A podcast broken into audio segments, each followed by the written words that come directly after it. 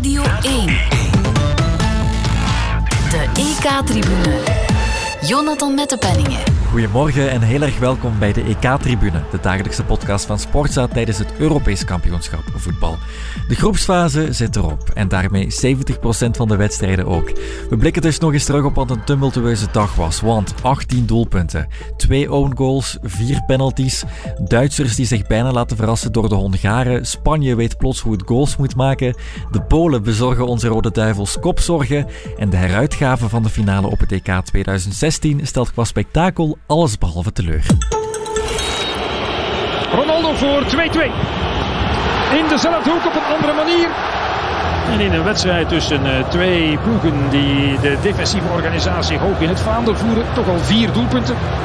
Maar wel vanaf de stip. Portugal-Frankrijk eindigt op 2-2, vier doelpunten, 75% vanaf de penaltystip, waarmee de Fransen wel de groepswinst binnenhalen en Portugal doorgaat als derde. En ook de prestatie van de Spanjaarden bespreken we in detail.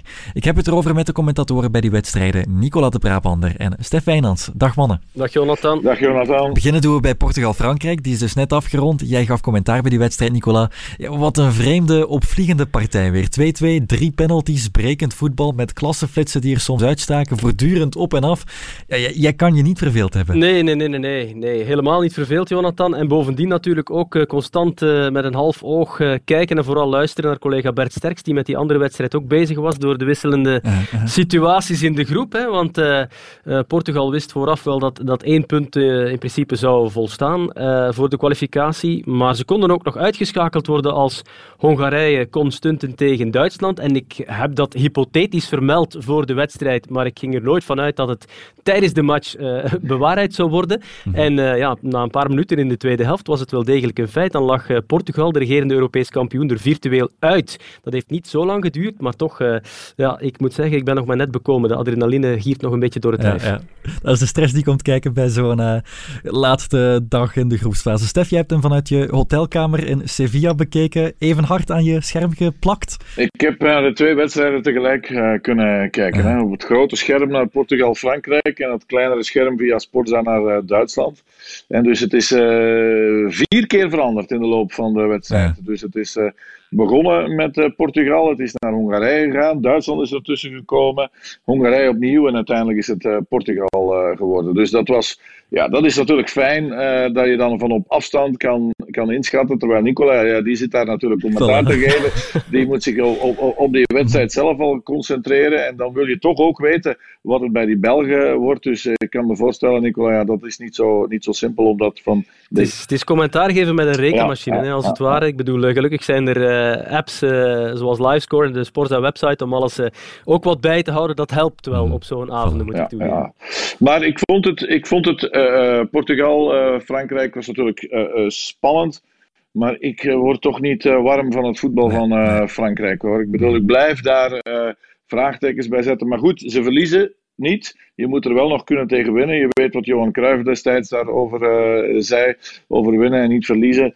En de Portugezen, ja, dat wordt natuurlijk een zware, zware, zware klus. Hè, want die kunnen beter, denk ik. Die hebben, op een bepaald ogenblik voelde je bij die Portugezen, toen, ze, toen het 2-2 werd, van oh, nu, nu gaan we het wel zo houden. Ja. jongens, we gaan het wel zo houden, want uh, uh, uh, we zijn zeker met die vier punten. Als het dan tegen die Belgen is, Oké, dat zien we wel, want op een bepaald ogenblik lagen ze er ook gewoon uit. Ja, het was echt die bal rondspelen, Stef. Zoals je zegt, eh, Pepe daar achterin, die mhm. dacht uh, gewoon even naar de keeper en even naar mijn andere collega-verdediger, uh, gewoon om inderdaad seconden te stelen. Hè. En dat, dat, Frankrijk deed er eventjes ook wel aan mee, maar er was ook een momentje met een potentiële overtreding op uh, command daar in, in de box. maar bon, toen was het ook al 2-2 in Hongarije tegen ja, Duitsland, voilà. dus het kon toen minder ja, kwaad. En van het voetbal inderdaad, bij Portugal valt er niet zo heel veel te zeggen. Twee keer van op penalty gescoord door Ronaldo, die dus wel met nog wat meer overtuiging naar die topschutterstitel mikt. Um, maar los daarvan was het opmerkelijkste, denk ik, de kleine systeemwissel die Fernando Santos doorvoerde. Um, twee nieuwe jongens bij de Portugezen. Renato Sanchez kwam er zo in voor Bruno Fernandes. Um, Wat was zijn invloed, Nicola? Ik vond die wel goed. Uh, ik, vond die, ik vond die sterk. Die wint altijd veel duels natuurlijk op dat middenveld. En met ook Moutinho die erbij komt, heb je natuurlijk zoveel ervaring. Die is 34, heeft zoveel meegemaakt ook. Dus dat biedt wel wat meer evenwicht in, in dat elftal. En Bruno Fernandes tot dusver. Dat was ook niet onlogisch, vond ik, dat hij uit de ploeg verdween. Want uh, hoe bepalend hij is in de Premier League bij United, zo, ja, zo afwezig was hij soms bij momenten in de eerste twee matchen. Dus ik denk dat dat ook de mannen zullen zijn die gaan starten in die wedstrijd tegen België. Eh, eerlijk gezegd. Eens is het natuurlijk op met Bruno Fernandes. Sinds die bij United is aangekomen, ja, die speelt gewoon altijd. En dat is toch een eh, positie waar hij heel veel energie moet uh, verbruiken in, naar voren en naar achter. En, ik, en dan heb je Bernardo Silva daarbij. Ik vond dat ook al een beetje te veel van het uh, goede. En oké, het uh, blijkt nu dat, uh, dat Santos daar ook voor gekozen heeft. Het is wel nog zien of Danilo weer fit is voor de wedstrijd van, van zondag. Want die heeft die vuist dus van Joris moeten incasseren. dat leverde de eerste penalty op voor Portugal. En dat was echt een serieuze map hoor. Die ging quasi knock-out. En die werd dan pas bij de rust, vond ik al straf, vervangen. Dus ik weet niet uh, hoe ernstig dat zal zijn. Nee. Ja, dus bij die strafschop, eh, als je het ziet, dan denk je, het is natuurlijk strafschop. Maar in de lucht wordt er niet zo vaak dat soort mhm. dingen gefloten. Hè. Uh, dat, dat, dat, dat, dat vind ik toch nog altijd. Uh, ik vond de strafschop, maar waar, als ik nu terugdenk aan uh, Boussoufa in de beslissende match op uh, Standaard, toen Bolat eh, voor de titel. Hè. Toen Bolat werkelijk Boussoufa tegen de grond mepte. Dat was 100% strafschop. Daar werd eh, destijds nooit voor gefloten. Maar uh, gelukkig is dat wel veranderd. Maar dan heb je de andere strafschop. Dan kun je toch weer over discussiëren over dat handspel uh, van, uh, van Koundé. als je dat in het begin van het toernooi niet fluit en gezegd hebt we gaan niet ingrijpen, je doet het nu wel. Uh, bij Italië, Turkije was dat toen. Uh, dan denk ik, ja, wat is dan nu weer het reglement? Ik weet het niet meer uh, wanneer er wel of niet voor dat handspel moet gefloten worden. Ja, wat te zeggen dan over de eerste penalty, Stef, met, met Mbappé. ik had ja. eigenlijk pas bij de derde herhaling echt een goed beeld, vond ik, dat het, dat het vederlicht was. Hè. maar Laos, die was resoluut en de VAR ja, greep niet in. Ook. Nee, maar dat is het dan geen clear error. Hè. Ja, dan komen klopt. ze daar niet, niet tussen. En Semedo had het een beetje kunnen vermijden, vond ik, omdat dat hij iets te zeer hem, hem opzocht. En daardoor hebben ze zeker niet ingegrepen. Er was contact, ja. Of, ja, er was contact, er was contact, was contact. Maar Ronaldo, het is toch... Uh, er worden zoveel strafschoppen gemist en dan denk je, ja, het is logisch dat je hem erin trapt. Nee, op dit EK is het toch niet zo logisch dat je strafschoppen erin trapt. Maar hij doet dat dan toch weer uh, twee keer ijskoud dat hij uh, de ballen binnentrapt. En uh, ja, goed. Lukaku heeft hoeveel doelpunten gemaakt? 48 in zijn laatste 50 interlands. Wel, um, Ronaldo trapt er 51 binnen, heb ik net gezien, in zijn laatste 50. Dus welk record je ook haalt, er komt er altijd eentje boven in doelpunten maken. En dat is Ronaldo, ook op zijn 36. Hij heeft er nog één gepakt vandaag, hè? Heeft nog een record uh, gebroken, want ja? is nu de enige Europeaan die, uh, die meer dan 20 goals, 21, heeft gemaakt op een EK en WK samen. En is op die manier voorbij Miroslav Klose gegaan. Maar bon, het is maar één van zijn heel veel uh, records voilà. natuurlijk. We kunnen... Tegenwoordig is dat pour la petite histoire. Ja. Nog, het, nog iets dat erbij komt. Ja. voilà. Maar dus um, in Duitsland is er een drama vermeden. 2-2 tegen Hongarije, waardoor er in de stand in, in groep F niet veel verandert. Ook in Frankrijk is er een drama vermeden, want Karim Benzema die scoort eindelijk, schiet eindelijk in gang sinds, wat was het, vijf jaar en zeven maanden dacht ik. En plots maakt hij er twee, met een penalty die er dus nooit een had mogen zijn en dan wel ook nog een mooi doelpunt.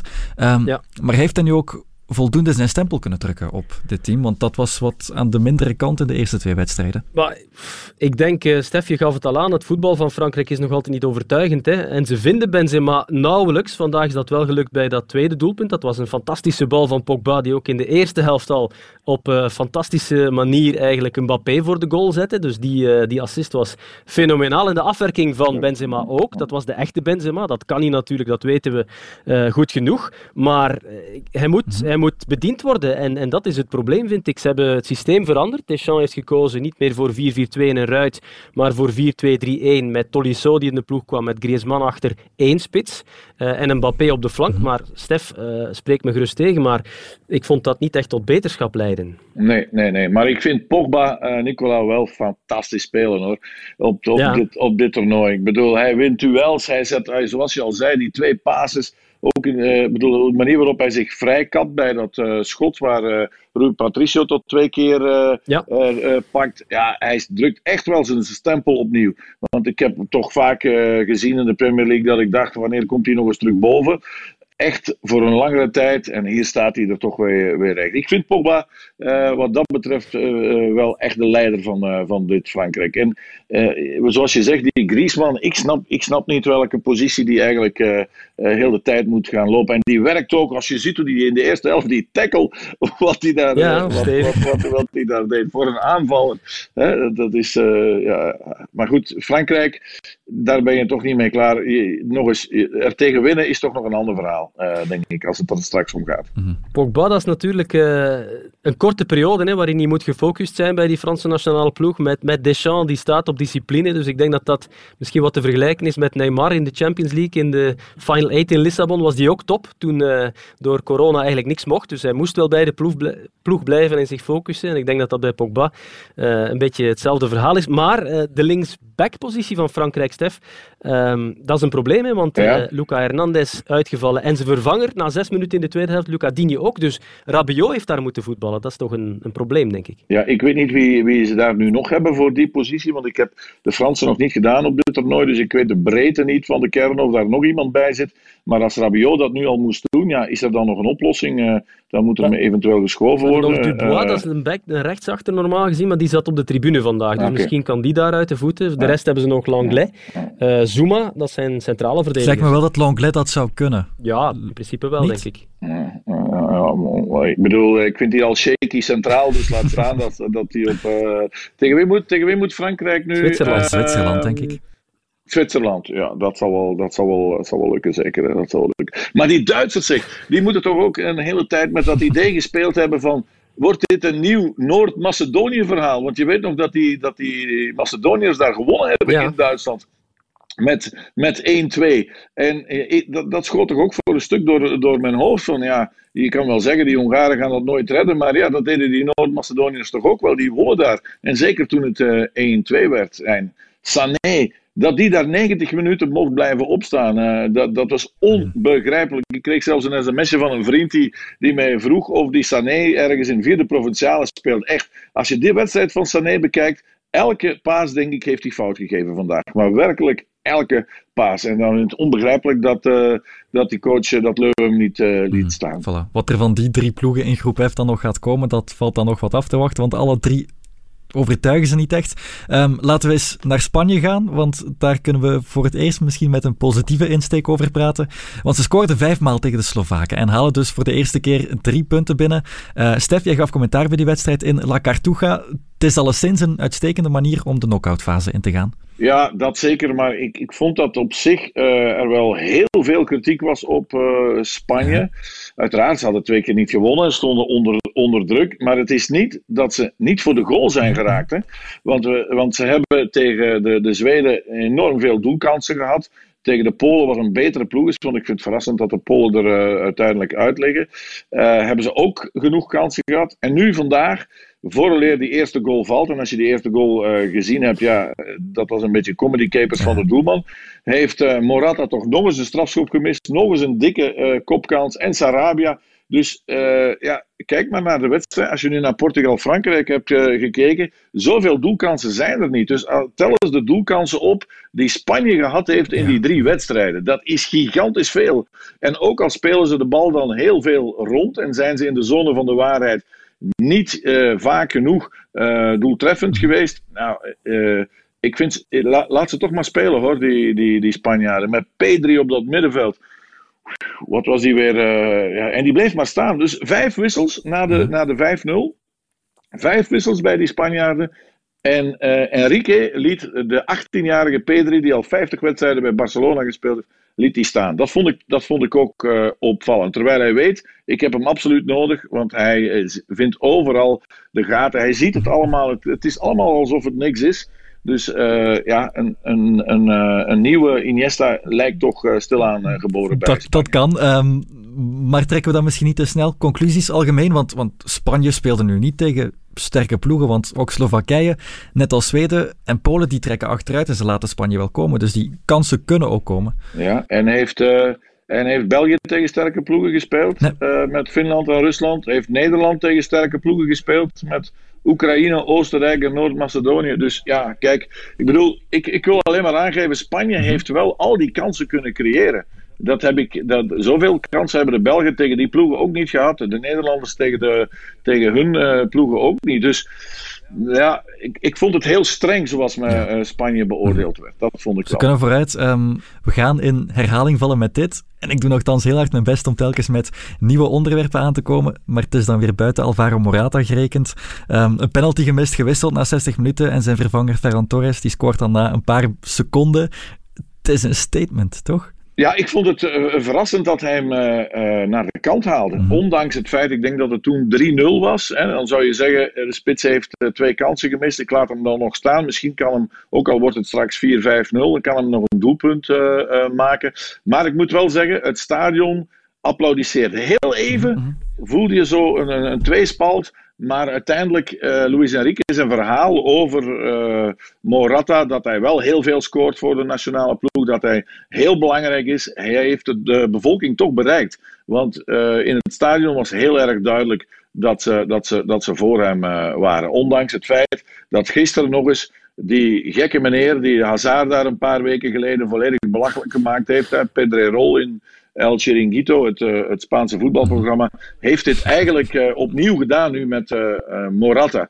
want hij heeft, heeft gesproken over dat Morata zijn, de vaders en de kinderen in slaap wiegt als hij op een vel staat, met dan weer een dramatisch muziek. moeten, we daar, Stef, moeten we daar nog aandacht aan besteden, aan, aan, dat programma? Ja maar, waar ik angst voor, ja, maar waar ik angst voor heb, Nicola, is, wij lachen daar nu mee, maar uh, dat we op termijn dit ook zien overwaaien naar ons. Als wij iemand in de studio gaan krijgen die dergelijke dingen kan gaan vertellen. En dat bekt goed en het uh, levert kijkcijfers op. Dat we dergelijke dingen ook gaan doen. Dus ik geef je gelijk dat we daar misschien niet te veel aandacht moeten aan besteden. Maar ik heb er wel angst voor dat dat op termijn ook de norm wordt waar we ons gaan moeten mee bezighouden. En uh, dat, is, dat, is, dat is verschrikkelijk. ik hoop alleen dat het publiek daar zoals het nu in het stadion heeft gedaan, keihard tegen mhm. geageerd heeft en uh, Morata toch. Laten we hopen dat het inderdaad zo blijft dan. Um, Nicola, het bezorgdheidsniveau bij Luis Enrique stond naar eigen zeggen op 7 op 10 na Zweden en Polen. Je hebt ze ook al een beetje gevolgd, dit toernooi al. Um, hoe zit het nu? Hoe zou jij het inschatten? Goh, ik denk dat, dat je, als je de groepsfase overleeft, dat je soms niet veel verder moet kijken. Oké, mhm. het, het kon zeker beter, maar ik, ik denk dat je nu vooruit moet kijken en dat je tegen Kroatië speelt. En ik heb uh, de drie matchen van de Kroaten becommentarieerd. Ja. En dan vind ik niet dat Spanje schrik moet hebben van Kroatië. Uh, want het was ook uh, tegen Schotland weer niet geweldig. Je hebt mhm. die fantastische goal gehad van, van Modric. Die moeten ze in de gaten houden. Speciale match natuurlijk voor hem. Uh, het is jammer dat Ramos er niet bij is. dan had hij tegen zijn ploegmaat kunnen voetballen. maar je hebt, je hebt Modric en je hebt Perisic. En voor de rest weinig bij Kroatië. Dus ik denk dat Spanje gewoon uh, doorgaat naar, uh, naar de kwartfinale. Dat is mijn indruk, hè, eh, op basis van wat Stef ook al zegt, dat ze toch de kansen bij elkaar voetballen. En, en de Kroaten hebben echt geen indruk op mij gemaakt. Nee, en ook nog even aan toevoegen, er wordt de hele tijd verteld dat Spanje met een nieuwe ploeg mhm. bezig is, een nieuwe generatie. Sorry, vandaag stonden er twee veldspelers op het veld die jonger waren dan 27 jaar. Twee, hè? dus Unai Simon, de doelman, is 24. En dus je had Eric Garcia, 20 en P3 18. En dan had je Laporte, toch heel veel ervaring, 27 jaar. Dus het is niet zo dat er alleen maar jonkies bij, bij Spanje. Oké, okay, Ferran, Torres, Ferran Torres heeft vorige wedstrijd ook meegespeeld. Dus hij heeft nu ook iets meer ervaring in die ploeg geduwd. Met, uh, met de terugkeer van Aspiriqueta, met uh, Sergio Busquets die terug is. Dus het is, het is ook, ook daar vind ik dat de perceptie op Spanje uh, niet aan de juiste kant uh, zat. Dus ik denk dat ze ver kunnen geraken. Daar heb je gelijk in. Um, over die wissels dan. Het waren er inderdaad vier. Die komen vrij plots. Bijvoorbeeld Eric Garcia en Sarabia. Dat, dat lijken mij toch een beetje verrassingen. Waarom net die mannen? En hebben ze ook overtuigd? Ik kan alleen maar denken dat, er, dat Pau Torres dat hij daar niet tevreden van was. En dat hij de twee van City wilde linken, mhm. Garcia en Laporte, achteraan. En die Sarabia, dat vind ik toch een vreemd verhaal dat hij inderdaad in de ploeg staat. Want ja, hoeveel wedstrijden mhm. speelt hij bij PSG? Nicola gaat dat beter weten vanuit de, de Champions League. Maar ja, goed, in, de, in, de, in La Ligue uh, heeft hij ook maar een, een match of, of 12 uh, gespeeld. Twee, over twee seizoenen nu. vorig jaar 12, nu 12. heb ik gezien. Dus die speelt niet zo, zo geweldig veel. Om dan in de Spaanse ploeg te staan, ja, vind ik toch straf eigenlijk dat hij daarvoor kiest. Het, het, echte werk begint nu. Laten we het even heel kort hebben over de kansen van Spanje, Portugal, Frankrijk en Duitsland. Dat zijn de ploegen die we vandaag belichten die doorgaan. Um, wie raakt het verst van die vier? Uh, ja, ik zou Frankrijk, eh, zoals we daarnet al hebben gezegd, niet durven afschrijven. Mm -hmm. ik hoop dat Portugal eruit gaat tegen de Belgen. dat, zou, dat zou mooi zijn natuurlijk. Nicola, en dan de, dan, dan de Fransen eruit tegen de Belgen. En dan ook nog de eerst, Spanjaarden eerst Italianen, tegen de Belgen. Eerst, dus, de Italianen ook in de kwartfinale. Bijna vergeten al. Oh, de Italianen ook nog. Oh mijn god. Um, oh mijn god. Ook nog. Oh mijn man, man, man, man, man. man. Ja, Portugal, ik, ik heb het al gezegd, Portugal heeft op mij ook niet de grootste indruk gemaakt. Dus ik uh, denk dat Frankrijk met eerst Zwitserland en dan de winnaar van Kroatië-Spanje, uh, dat dat uh, allebei haalbare matchen zijn mm. voor de Fransen. Dus ik zie die wel weer ver geraken. Voilà. Ik, zet, ik zou nog altijd durven zeggen, nu in deze uh, fase, als je ziet wie er aan de andere kant van de tabel zit, als Duitsland hier de Engelsen kan uitschakelen, want die Duitsers hebben vandaag niet goed gespeeld. Maar ik vond ze zeker niet slecht tegen de, de Fransen. En ze waren mhm. toch uh, heel sterk tegen de Portugezen. Ja, ik weet niet wat er gescheeld heeft uh, vandaag. Maar ja, als de Duitsers er uh, moeten gaan staan. geloof ik nog altijd. Thomas Muller heeft bijvoorbeeld niet gespeeld vandaag. En die zal zeker in de volgende wedstrijd terug gaan spelen. Dus Duitsland, denk ik. En een kwartfinale tegen Zweden of Oekraïne, Stef. Dus dat is dan ook wel de goede kant van de tabel. Ja, in Nederland uh, zijn ze al een beetje uh, nog meer Heineken aan het drinken. Om te zeggen van ja, wij zitten toch al uh, bijna aan de halve finale, denk ik. Voilà, het echte werk begint voor de ploegen in de achtste finales, in de rechtstreekse knock-out fase. Want het is gedaan met de speeltijd. Vanaf zaterdag is het erop of eronder. Wij gaan er ook even tussenuit om dan zaterdagnacht terug te keren. Maar voor nu heel erg bedankt Stef Wijnands en Nicola de Brabander. Bye bye. Bye. Merci Jonathan.